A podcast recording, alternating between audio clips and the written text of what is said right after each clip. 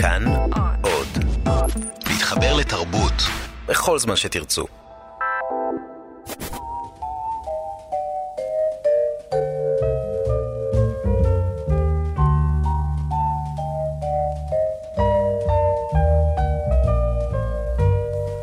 שבועון לספרות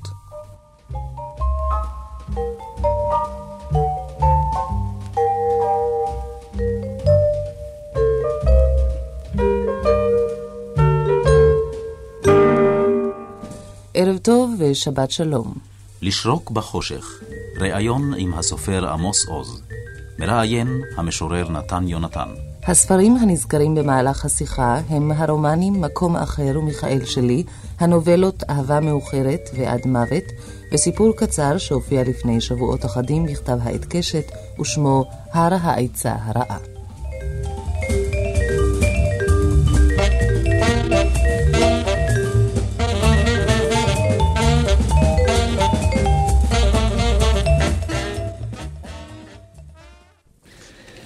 רציתי לצטט בערך שיר שמהדהד באוזניי של כרמי על שתי קונכיות. קשה לשתי קונכיות לשוחח שיחה של ממש. רק שולי הפנינים ומוכר העתיקות יכולים להוכיח אותו ים. אני באמת חושב שאנשים, ואנחנו ודאי לא אחרים משאר האנשים, אנחנו גם כן משולים קצת לקונכיות, שקשה להם לשוחח שיחה של ממש. או נדמה להם שקשה לשוחח שיחה של ממש. אני יודע שהספרים שלך הם חומר לעיון ולדיון, ו... ואין לי חשק לדרוך על, על צעדים ועל שבילים שכבר נדרסו כמעט, והייתי רוצה להציג דברים באופנים קצת, קצת אחרים. ומה שחשוב בעיניי הוא שהשיחה שלי לפחות תהיה מונחה דווקא על ידי ספר שזכה להרבה ביקורת ואכזב הרבה מאוד אנשים שאוהבים את הספרים שלך. אני מתכוון בספר לגעת במים, לגעת ברוח. מה שאתה נהג, נוהג לומר, או אמרת באחת השיחות, שבעצם כל הסיפורים אינם אלא... אדם מספר, בלשונך, אדם מספר אותו סיפור בכל מיני זוויות. כי אין בעולם הרבה סיפורים, יש סיפור אחד. ואם להיות קצת יותר מוגדר בשאלה, אז אולי נתחיל באמת מהדבר הכללי הזה. האם באמת אתה חושב, ובאיזה מובן אתה חושב שאדם מספר אותו סיפור מכל מיני זוויות? אני אף פעם לא ניסיתי לצייר לעצמי מפה מדוקדקת של, של העולם שעליו אני מספר בסיפורים שלי. אבל זה נכון שאני בכל פעם עולה על גבעה אחרת, ומנסה מעל גבעה אחרת להסתכל על אותם נופים.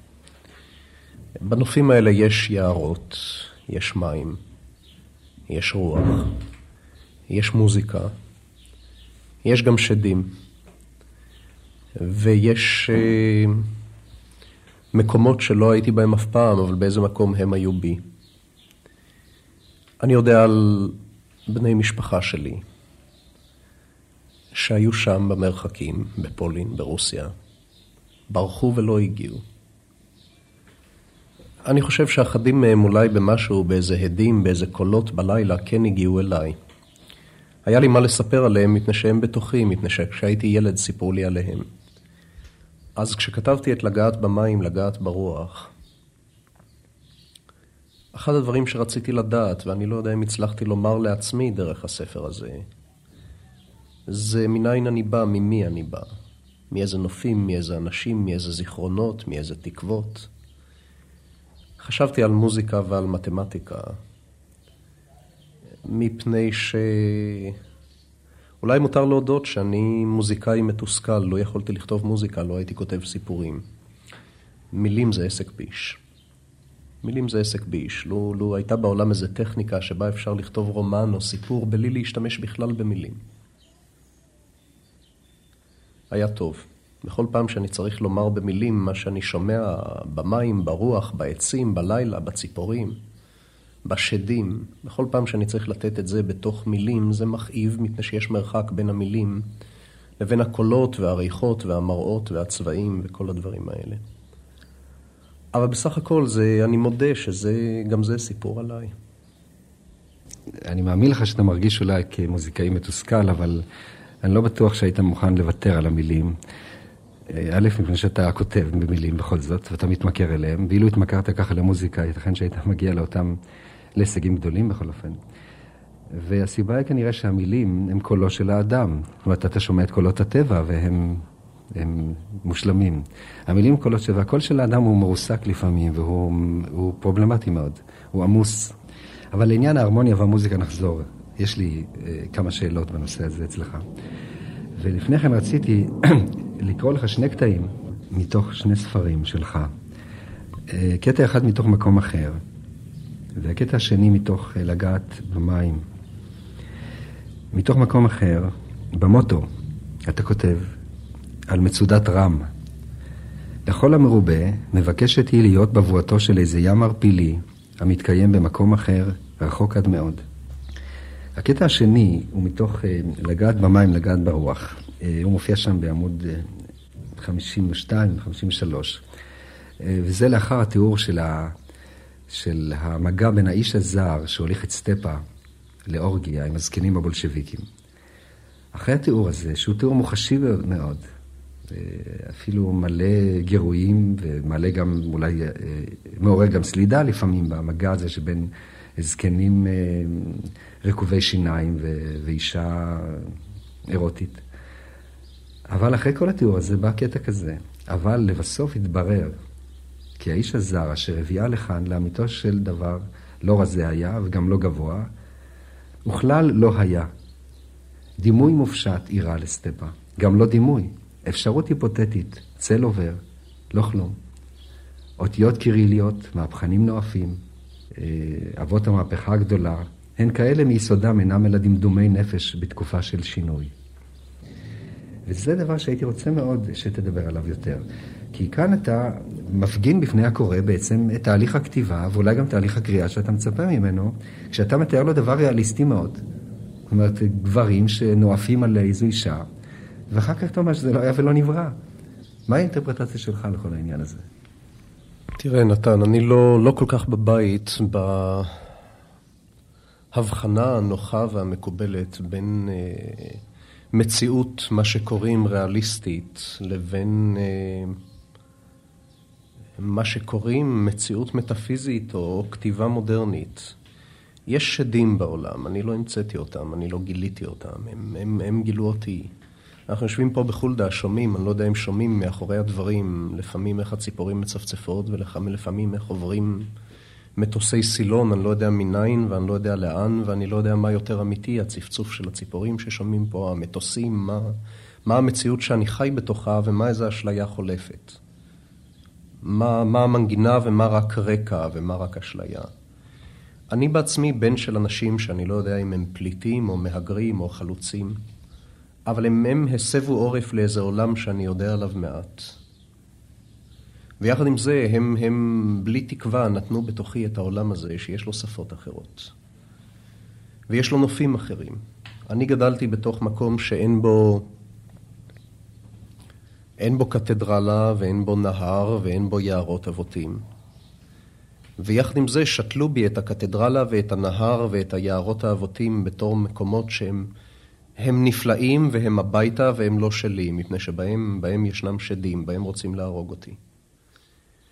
אה, למדתי בבית ספר ש, שהוריי והורי הוריי באו ארצה לבנות ולהיבנות בה, אבל זה לא כל האמת. אה, כשאני חושב למשל על ירושלים של הילדות שלי, ירושלים כשהייתי ילד, ירושלים שקצת נגעתי בה בקצה העט במיכאל שלי וקצת בסיפור הר העץ הרע, וירושלים שאיכשהו מתגנבת גם לסיפורים ששמה איננו מופיע בהם. כמו לגעת במים, לגעת ברוח. או ירושלים שהצלבנים הולכים והולכים אליה בעד מוות ולעולם לא יגיעו עליה. והיא הייתה עיר מוזרה, היו בה ארמנים וגרמנים ומיסיונרים ולאומנים ערבים ו- ובריטים רומנטיים שבאו להתרפק על כל הקסמים האלה. ויהודים בורחים ויהודים תימהונים ויהודים מתקני עולם וגאונים. כל אדם שני ידע איך לגאול את העולם. דרכת למישהו על הרגל, קיבלת על הראש איך אתה מעז לדרוך על רגלו של המשיח. איפה, איפה, איפה בעצם הגבולות בין, בין החלום, הסיוט והקונטורות הפיזיות של המקום, מה שאתה קורא הריאליסטיות? לפעמים נדמה לי שלא רק, לא רק אה, סטפה ברוסיה בין המהפכנים הזקנים, אלא גם ירושלים של הילדות שלי הייתה לא עיר אלא מצב. דמדומי נפש בתקופת מעבר. יש הר על יד ירושלים, מעל עין כרם. עד היום קוראים לו בשם מיסקרי. באה לפני 40 שנה לירושלים אישה אנגליה אחת, ודאי בתולה, ודאי זקנה. קנתה הר מדרום לירושלים ב-25 לירות. הר שלם. על ההר הזה היא בנתה בכספי חסכונותיה הצנועים בניין. והבניין הזה הייתה לו אה, תכלית צנועה. הוא צריך היה להיות תערובת ארכיטקטונית של מסגד, כנסייה ובית כנסת. והיא רצתה לא פחות מאשר לאחד מחדש את שלוש הדתות הגדולות. והבניין קם, ועמד ריק. כשהיינו קטנים היינו עולים על ההר אל הבניין הזה, שגם הוא נקרא על שמה מיס קרי. אז אה, איפה נגמרים, איפה נגמרים הדברים שהם קונטורות מציאותיות, הם כאן ועכשיו? ואיפה מתחילה ההוויה הזאת של, של העיר שלי, של הארץ שלי, בתור צומת ואבן שואבת של חולמים מטורפים, סהרורים, מתקני עולם, בעלי סיוטים? אני לא יודע. אני לא חיפשתי גבולות אה, בטוחים ומוסכמים כאלה, כי הם אינם. אני לא יודע איפה הם. אבל הטירוף והתאווה והייסורים והאמונה שיש נוסחה ואפשר לגלות אותה, ומי שיגלה אותה, יגאל את העולם. והוודאות שהמשיח ישנו ובינינו מסתובב, זה עלול להיות אתה, אני או אדם אחר. והוא יודע איך, איך, איך לסלק את האיסורים, איך לתת מנוחה. האמונה הזאת, האוויר מלא אותה, לא רק בירושלים, גם בקיבוץ. מי בא הנה? לשם מה באו הנה? מה הם שרו בלילה, במין דבקות אקסטטית כזאת, הם היו אומרים, שם בארץ חמדת אבות, גם כשהם ישבו פה הם עוד היו אומרים שם. שם בארץ חמדת אבות תתגשמנה כל התקוות, לא פחות ולא יותר.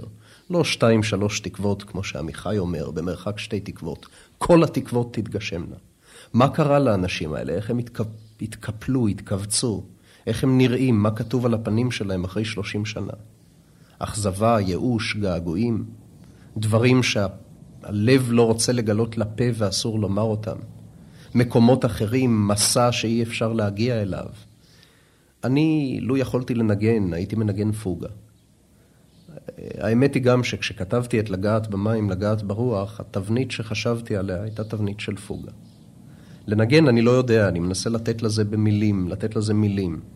אבל יש בין הדברים האלה דברים שלא סובלים מילים, ומכאן יש לי לא פעם צרות. אני משתמש במילים ואני יודע שלא אלה המילים. אני משתמש במילים ואנשים קוראים את המילים האלה ומבינים דברים שלא אמרתי או לא מבינים דברים שניסיתי לומר. מפני שבעצם כאן מדובר על צליל, או על צלילים, של יסורים, של כיסופים, של רצון שתהיה מנוחה. אה, הסיפור שלך על אה, אותה אישה זקנה שקנתה הר ב-25 לירות ורצתה לאחד שלוש דתות שלא הצליחו להתאחד אה, אחרי מאות שנות תלת קיום, היא אולי מאפיינת את השאלה ואת השאלה שמכוונת על הספרים שלך, את השאלה בדבר האופן שבו מוצגת הגאולה. נדמה לי ש... אחד הדגמים שאפשר היה לעצב אותם מכל הספרים שלך ביחד, הוא הדגם של מבקשי גאולה, של ויה דולורוזה, של בני אדם, בין אם הם חבורת צלבנים, או בין אם זה איש שנוסע בלילות להרצות בקיבוצים, או, או איזה פרופסור אה, מסכן למדי שחוזה בכוכבים את עתידות העולם. ואפשר למצוא כאן כמובן את אותו, אותו סיפור, אותה דמות אה, של חצי מטורף, חצי גאון, של אדם אה, שבקושי קושר את עניבתו, אבל רוצה לחבר את כל הקשרים של העולם ולחבר את, את, את עצמו אל האלוהים. אה, מה שמטריד אותי קצת, אולי לא קצת, מטריד אותי הרבה, הוא איפה אתה בכל הדברים האלה? כן, טוב, אולי צריך לומר משהו על גרוטסקה ועל לעג. תראה, נתן, מה זה להיגאל? להיגאל זה שתהיה מנוחה. מה יודעים אנשים על מנוחה? מניין הם לוקחים את המושג שלהם על מנוחה? הם מסתכלים על הר או על ים או על יער. הדברים האלה יש להם מנוחה. לים יש מנוחה של ים. גם כשהוא סוער או רוגש יש לו מנוחה של ים. יש מנוחה של יערות, יש מנוחה של הרים. הם, הדברים האלה יכולים להיות במנוחה, האלמנטים, האיתנים יכולים להיות במנוחה מפני שהזמן לא עושה להם שום דבר רע. הם ישנם, הם לא ימותו. אף אחד לא יתפוס אותם פתאום בשערות ראשם ויוציא אותם החוצה לחושך ויאמר המשחק תם. הם כאן כדי להישאר. כל האנשים שלי, כל האנשים שאני מכיר וגם אני, כשחושבים על מנוחה, חושבים על מנוחה כזאת. אני לא לועג לרצון הזה שתהיה מנוחה. ליגע, לעמל, לסובל, למתנשם, לבעל התאוות, לבעל היצרים. הרצון למנוחה הוא רצון נכון. למה אני לועג? לפעמים אני לועג למילים, ורק למילים. מפני שכשאדם מנסה לסדר את העולם בתוך נוסחה ולחשוב שאם הוא יקרא לדברים בשמם, אם תהיה לו נוסחה נכונה, אז תהיה לו גם מנוחה נכונה. אם תהיה לו נוסחה, הוא לא ימות. אם הוא יוכל לקבוע את הדברים במילים, אז הוא בעצמו יהיה ים או יער. ואם יש דבר שאני נאחז בו, למרות שאין לי גישה אליו באצבעות שלי, זה המוזיקה. מפני שהמוזיקה כן יכולה לדע, לגעת בדברים האלה, מפני שהדברים האלה משתמשים במוזיקה ולא במילים. לאלמנטים יש מוזיקה, אין להם מילים. אני זוכר מקום אחד ב- ב- בסיפור אהבה מאוחרת, ששרגא הזקן הזה, המתפורר הזה, שומע את השכנים הפולנים בלילה יושבים על המרפסת ומפצחים בוטנים ומשחקים בקלפים ומתלוצצים בפולנית. אז הוא קם מהמיטה בשצף קצף, והוא אפילו מתלבש, והוא מדליק סיגריה, והוא מחליט, עכשיו אני אלך ואני אגיד להם מה זה פה, איך אפשר בזמנים כאלה להשתמש באופן כל כך לא אחראי במילים. אתם לא שומעים את הים בא ואוכל את תל אביב, אתם לא שומעים את ההרים, אתם לא שומעים את הלילה, מה אתם משתמשים במילים? אבל מה הוא אומר? אחר כך התפשטתי וחזרתי למיטה, מפני שלא מצאתי מילים שבהם אפשר להזהיר מפני שימוש כזה במילים. עכשיו, אני, אני, אני בשבי, אני בתוך הפרדוקס הזה של המילים. אני האיש שמנסה להזהיר במילים מפני שימוש במילים. אנשים שיש להם אמון רב מאוד במילים, בנוסחאות, בפרוגרמה, באידיאולוגיה, בשיטה לתקן את העולם, מועדים או לפנאטיות רצחנית, מפני שכשהעולם לא מתאים את עצמם לנוסחאות שלו, הם מתחילים להקציע את העולם. כשאנשים מתחילים לא להתאים את עצמם לנוסחאות, הם מתחילים להרוג אנשים. או שהם יקיצו יום אחד מהמילים בצעקה, או שהם יקיצו בשתיקה, או בצחוק. אני חושב שיש בתוך הדברים היפים האלה שאתה מפרש בהם את עצמך ואת העולם, יש כמה חוליות אה, שנראות לי קצת אה, רופפות. זאת אומרת, הן רופפות מפני שבמובן זה שהן מכבידות עליי לקבל ולקלוט את כל מה שישנו בתוך, בתוך הסיפורים שלך. אני לא חושב שאני מסוגל עכשיו לנסח את כולן, ואפילו לא לנסח בכלל, אלא רק אה, להגיב אולי, מה שאפשר לעשות בשיחה כזאת. למשל, אה, האזהרה הזאת של, שאתה מזהיר אנשים לא להשתמש במילים, או לא להשתמש שימוש כזה, שימוש לא אמיתי, לא מדויק, אבל האמת היא שהמצב הגרוטסקי שלהם נובע לא רק מהמילים שלהם ולא רק מהשימוש במילים, הוא נובע מהרבה דברים נוספים, מהאידאות שלהם למשל, מסוג החזונות שלהם, כמו שלמשל ישנו באהבה מאוחרת, החזון הזה של אחרית הימים, של הפיוס בין, בין שלושה אנשים. אני מחזיר אותך, מחזיר לך פשוט שוב את אותה שאלה, אולי רק בצורה אחרת. ולפני שאתה תשיב, אני אגיד לך עוד משהו. גם עניין המוזיקה, נראה לי שאתה לא, אתה לא הולך עד הסוף עם עצמך.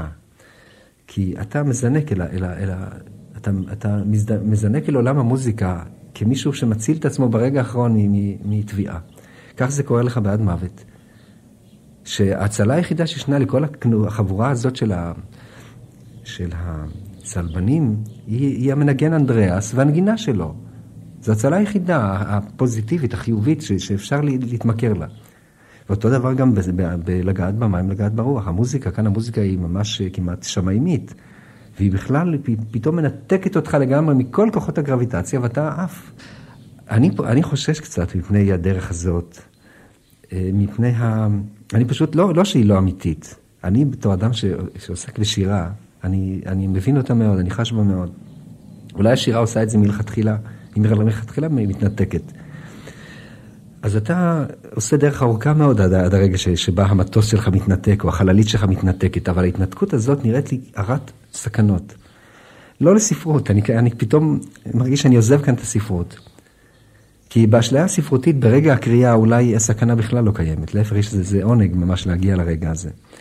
אבל אחר כך, כשאתה סוגר את הספר ואתה נשאר עם עצמך, אז נדמה לך שהניתוק הזה הוא, הוא ניתוק שאין לך, לך מאין, לאן לחזור ממנו, והצרה היא שאין לך איפה לשהות, כי המוזיקה הזאת היא דימוי בדיוק כמו שאר הדבר, הדברים, גם כמו השדים. גם היא דימוי, שלא היה ולא נברא אלא במשאלתו של האדם. אותה המוזיקה שאתה כותב עליה, לא המוזיקה של באך, ואתה כותב על מוזיקה אחרת. אני לא יודע אם, אם אני אומר דברים שהם גדר שאלה בכלל, הם אולי כמעט קביעת עמדה. ואם אין לך, זאת אומרת, אם השאלות שלי הן נראות לך שאלות אה, שאי אפשר להשיב עליהן, אז אתה לא חייב להשיב כמובן. לא, רק שאלה אינן שאלות, אלה הן משאלות בעצם. מה שאתה מבקש ממני הוא דבר שאני לא יודע לתת אותו, ולא יכול לתת אותו. אתה אומר, אה, בסיפורים האלה ישנם אנשים ש... הנוסחאות התפוררו להם בידיים, או הסתאבו, או נעשו אה, כלי רצח. תן אתה נוסחה אחרת שנוכל לחיות בה. אתה אומר, האנשים האלה אה, חיפשו מנוחה, אולי חיפשו גאולה, אולי חיפשו שקט, ומצאו מהומת אלוהים וייסורים וסבל. למד אותנו אתה איך לחיות במנוחה. איפה, איפה, איפה היא הגאולה הזאת? אני לא יודע, לא ידעתי, הייתי נביא, לא הייתי מספר סיפורים. אבל מה שאני יכול לספר זה מה שאני יודע. ומה שאני יודע הוא זה, המילים ישנן, משתמשים בהם, גם אני משתמש בהם. כותב מאמר פוליטי בעיתון, אומר לממשלת ישראל, ממשלת ישראל תפסיקי לעשות כך ותתחילי לעשות אחרת. כותב רשימה בעלון ואומר התנועה הקיבוצית, תיזהרי לפתחך עורב זה וזה, ומוטב שתעשי כך וכך. אבל כשאתה מסתובב החוצה ורואה ששם עומדים ההרים או העצים והאבנים, או אפילו השמיים עם כל הכוכבים למעלה, אתה נושך את השפתיים ואתה אומר איך אפשר לדבר בשפתם של הדברים האלה שבהם יש מנוחה. אני לא אומר גאולה, אבל יש מנוחה. אתה רואה בהם מנוחה. והמנוחה הזאת היא לא דימוי כמו שהשדים הם לא דימוי. השדים ישנם. השדים ישנם לא פחות משישנו, אני יודע, משרד המסחר והתעשייה. השדים ישנם לא פחות משישנו אה, מנוע של טרקטור משישנה עסקת ודוז. הם ישנם, הם כאן, הם מסביב. אני, אני, אני מנסה למשש במילים לפחות את הקצוות של שפה אחרת, שבה לא משקרים. למשל, השפה של נגיעה. אה, אני לא מדבר עכשיו על לגעת במים או ברוח, אני מדבר על נגיעה הרבה יותר פשוטה. הנה שוב שרגא באהבה מאוחרת. אומר שם באיזה מקום, אני לא זוכר את המילים, שלפי דעתו היה צריך להיות חוק. זה נורא בעיניו ששנים על שנים אף אחד לא נגע בו. הוא לא נגע באישה ואישה לא נגעה בו, ומפני שהוא פוריטן, הוא תכף מסביר שכשהוא אומר לגעת, הוא לא מתכוון ליחסי מין, על זה הוא כבר שכח עוד בזמן המנדט. הוא מתכוון לגעת, ליישר לו את הצווארון, לסלק לו שער, שערה מן הסנטר, ואז הוא פתאום אומר בשפה האומללה שלו, צריך היה להיות חוק. צריך להיות כתוב בחוק שלכל אזרח, כמו שיש לו הזכות האזרחית לחוות דעות, או הזכות האזרחית לנשום אוויר, צריך להיות כתוב בחוק שלכל אזרח יש זכות לגעת, ושאחרים ייגעו בו לפעמים. כי זה דבר נורא לחיות שנים על שנים בלי לגעת או בלי שאף אחד ייגע בך. כי אז אתה נשאר שבוי בממלכה של מילים, וזה העולם שאיננו קיים, זה העולם של, של, של דימוי מופשט של אי ממשות. הממשות היא בנגיעה, בצעקה, בשתיקה, במוזיקה. ואני לא אומר עכשיו מוזיקה של באך או מוזיקה של בטהובן. מוזיקה של הדברים, הדברים ש, שאנחנו שומעים והדברים שאנחנו בעצם משמיעים כשאנחנו משתמשים במילים במקום לצעוק, במקום ללחוש, במקום לצחוק, במקום לבכות. והמילים תחליף. ואז אז נוצרים בעיניי דברים שהם הם האופן הקרוב ביותר לנגיעה במכאוב עצמו, שאני מסוגל להגיע אליו. אמרתי הרבה פעמים שאני חושב שלכתוב זה להשביע שדים. אני לא יודע אם זה עוזר לשדים או משפיע על השדים. אולי זה מנחם קצת את המשביע. אולי יש בזה גם איזה מגע של נחמה לגבי מי שקורא. אני חושב על המכשף הקדמון לפני עשרים אלף שנה באיזה שבט אה, של עוטי אורות, עוטי פרוות דובים. המכשף היה יושב והיה מספר לבני השבט סיפור על ציד. והם היו אמורים לצאת למחרת לציד, ואיש מהם לא ידע מי יחיה ומי ימות, ואם לא יכה אותם הברק, ואם לא יהיה שיטפון או רעידת אדמה, ואם אה, החיה תצוד אותם או הם אותה.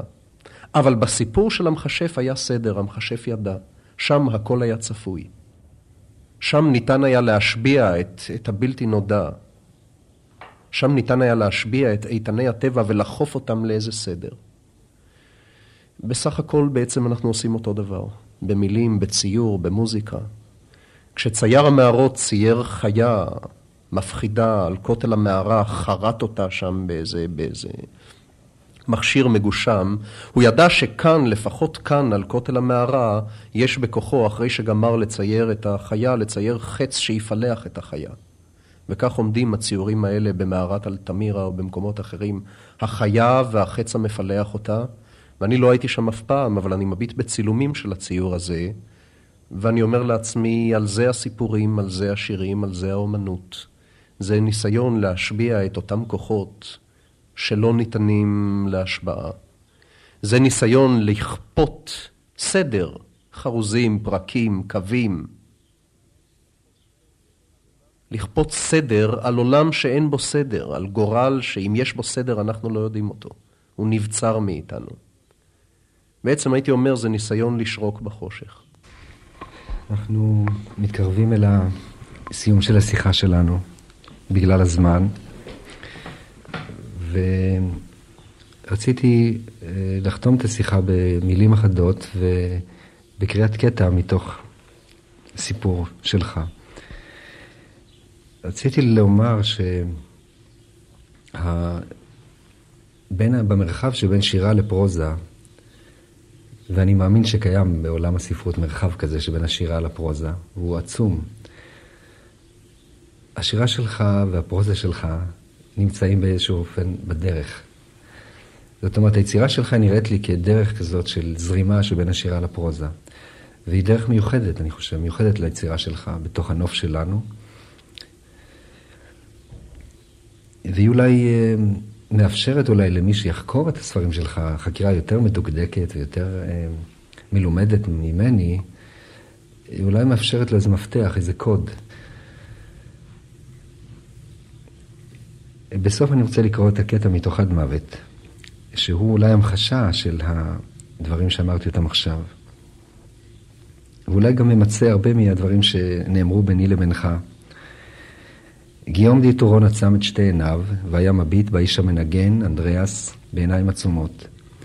נפשו אמרה לו כי המקום הזה זר, וגם ירושלים איננה בקצה ההליכה הזאת, כי אם בהליכה אחרת, לא הליכה, לא עיר האלוהים.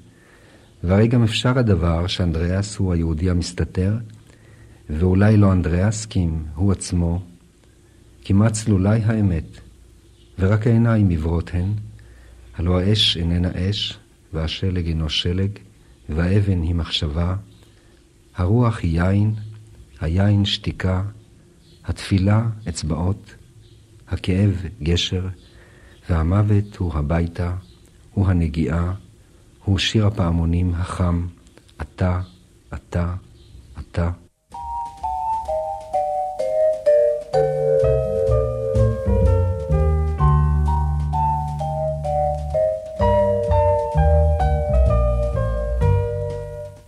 הבאנו לשרוק בחושך, ראיון עם הסופר עמוס עוז, ראיין המשורר נתן יונתן. הראיון שודר במסגרת התוכנית השבועון לספרות בעריכת הדסה וולמן. ערב טוב ושבת שלום.